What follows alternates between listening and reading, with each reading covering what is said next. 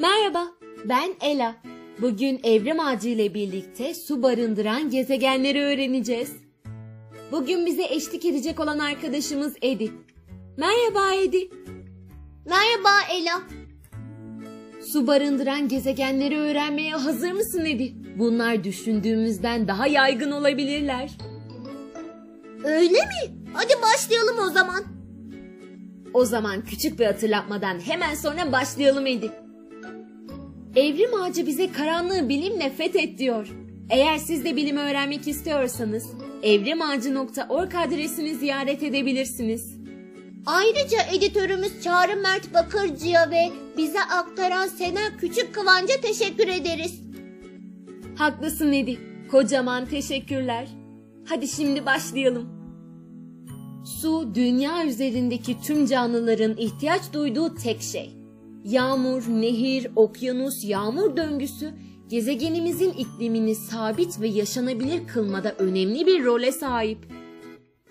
Bilim insanları galakside yaşam işaretlerini nerede araştıracaklarını konuşurlarken sulu gezegenler her zaman listenin en başında oluyor. Yeni bir çalışma önceden düşünülene kıyasla çok daha fazla gezegende yarısı su, yarısı kaya olacak kadar bol miktarda su bulunduğunu öne sürüyor. Ancak tüm bu sular yüzeyde okyanus veya nehirler gibi akmak yerine kayaların içerisinde gömülü olabilir. Chicago Üniversitesi doktora sonrası araştırmacı ve makalenin ilk yazarı olan Rafael Luquet şöyle söylüyor. Ben söyleyebilirim değil mi? Tabii ki Edi, hadi başla. Galaksinin en yaygın tipteki yıldızının yörüngesinde dolaşan bir yığın su gezegeninin varlığını kanıtlayacak bir veri elde etmeyi beklemiyorduk. Bunun yaşama elverişli gezegen arayışımız için çok önemli sonuçları olabilir. Teşekkürler Edi. Şimdi gezegen yığını modeline geçiyoruz. Daha iyi teleskoplar sayesinde bilim insanları uzak güneş sistemlerinde her geçen gün daha fazla gezegen belirtileri buluyor. Daha geniş bir örnek boyutu bilim insanlarına demografik yapıyı belirlemede yardım ediyor. Bu tüm bir kasabanın nüfusuna bakmanın bireysel düzeyde görülmesi zor olan eğilimleri ortaya çıkarabilmesine benzer bir durum. La Laguna Üniversitesi ve Kanarya Adaları Astrofizik Enstitüsü'nde olan yardımcı yazar Enric Pall'le beraber Luke, en cüce denilen bir tip yıldızını etrafında görülen bir grup gezegene yığın düzeyinde bakmaya karar verdiler. Bu yıldızlar galakside en çok karşımıza çıkan yaygın yıldızlardır ve bilim insanları bugüne kadar bu yıldızların etrafında düzinelerce gezegen listeledi. Ancak yıldızlar gezegenlerinden çok daha parlak olduğu için gezegenlerin kendisini bizzat göremiyoruz. Bunun yerine bilim insanları gezegenlerin yıldızlarının üzerinde bıraktığı etkilerin belirsiz işaretlerini tespit ediyor. Bu etkiler gezegen yıldızının önünden geçerken ortaya çıkan gölge veya yörüngesinden ilerlerken yıldızın hareketinde küçük bir yalpalama olabiliyor. Bu bahsi geçen gezegenlerin aslında nasıl göründüğü hakkında bir yığın soru olduğu anlamına geliyor. Palle şöyle söylüyor. Düşünüyorum da burayı da Ede okumak ister. Çok doğru bildin. Başlayabilir miyim? Tabii ki Edi. Hadi başla. Seni dinliyoruz. Tamamdır. Gezegenleri keşfetmede kullanılan iki yoldan her biri farklı bir bilgi sunuyor. Bir gezegen yıldızının önünden geçerken ortaya çıkan gölgeyi yakalamak bilim insanlarının gezegenin çapını öğrenmesine katkı sağlıyor. Bir gezegenin yıldızına uyguladığı küçük kütle çekimi kuvvetini ölçmekse bilim insanlarına gezegenin kütlesini öğrenmelerinde yardımcı oluyor. Güzel okudun mu? Çok güzel okudun Edi. Teşekkürler. Hadi devam edelim. Bilim insanları iki ölçümü birleştirerek az çok gezegenin yapısı hakkında bir çıkarıma varabiliyorlar.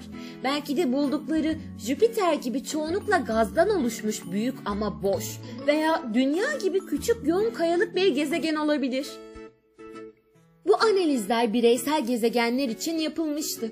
Ama Samanyolu galaksisindeki gezegenler gibi tümü bilinen gezegen yığını için analizler çok nadirdi. Bilim insanları verilere baktıkça şaşırtıcı bir resmin ortaya çıktığını gördüler. Bu arada belirtelim, bu analizler toplamda 43 gezegen içindi. Gezegenlerin büyük bir yüzdesinin yoğunluğu boyutlarının tamamen kayadan oluşmak için fazla hafif olduğunu gösterdi. Bunun yerine bu gezegenlerin yarı yarıya kara ve sudan veya başka bir hafif molekülden oluşabileceği düşünüldü. Bir bowling topuyla futbol topunu eline aldığınızdaki farkı düşünün. Neredeyse aynı boyutta olmalarına rağmen bir tanesi daha hafif bir maddeden oluşuyor. Şimdi de su gezegeni arayışlarına bakalım. Bu gezegenleri Kevin Costner'ın Su Dünyası filminden çıkma, tamamen derin okyanuslarla kaplıymış gibi hayal etmek ilgi çekici olabilir. Ancak bu gezegenler güneşlerine o kadar yakın bir mesafedeler ki yüzeydeki tüm sular süper kritik bir gaz fazında bulunurdu. Bu da onların yarıçaplarını genişletirdi. Luke şöyle söylüyor. Hadi sen söyleydi. Tamam başlıyorum. Ancak biz bunu örneklerde görmüyoruz. Bu da suyun yüzey okyanusu formunda olmadığı anlamına geliyor. Teşekkürler Edi. Su kayalara karışmış bir şekilde veya yüzeyin altındaki çukurlarda bulunuyor olabilir.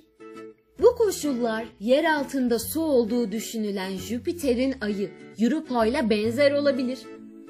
Luke'in daha detaylı analizler için grubuna katıldığı Chicago Üniversitesi öte gezegen bilimcisi Jacob Bean şöyle söylüyor. Söz sendeydi. Tamamdır. Bu analizi gördüğümde çok şaşırmıştım. Benim gibi alandaki birçok kişi de bunların tamamen kuru kayalık gezegenler olduğunu düşünmüştü. Teşekkürler. Bulgular geçtiğimiz birkaç sene gözden düşen öte gezegen oluşumuna yönelik bir teoriyle de örtüşüyor. Bu teoriye göre birçok gezegen güneş sistemlerinden uzakta oluşup zamanla içeriye doğru göç ediyor. Bir yığın kaya ve buzun bir yıldızdan uzakta soğuk koşullarda beraber oluştuklarını ve sonra da yıldızın yer çekimi kuvvetiyle içeriye doğru yavaşça çekildiklerini düşünün. Kanıtlar ikna edici olsa da Bean hem kendisinin hem de diğer bilim insanlarının bu gezegenlerden birinin su gezegeni olduğuna dair somut bir delil görmek istediklerini belirtti. Bilim insanları bunu NASA'nın Hubble'dan sonra yeni fırlattığı uzay teleskobu olan James Webb Uzay Teleskobu ile gerçekleştirmeyi umuyorlar. Aa yani ellerinde tam bir delil yok. Evet öyle. Ama dediğimiz gibi gerçekleştirmeyi umuyorlar. Umarım gerçekleştirirler. Öğrenmeyi gerçekten çok isterim. Evet ben de isterim Edi. Evet konumuz burada sona erdi. Ne kadar çok şey öğrendik değil mi Edi? Evet, bayağı şey öğrendik. Ben doğrusunu söylemem gerekirse su barındıran gezegenlerin daha çok olabileceğini düşünmemiştim. Umarım çalışmaları başarılı geçer. Öyle olmalı Medi. Konu bittiğine göre podcast burada sona mı erdi? Bu konu burada bitti. Ama başka konularda, başka podcastlerde tekrardan birlikte olacağız.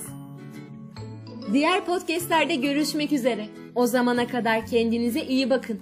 Evrim Ağacı'na çok teşekkür ediyoruz. Evet, Evrim Ağacı çok teşekkürler. Öğrendiklerinizi tanıdıklarınızı anlatmayı unutmayın. Başka podcastlerde görüşmek üzere. Hoşçakalın.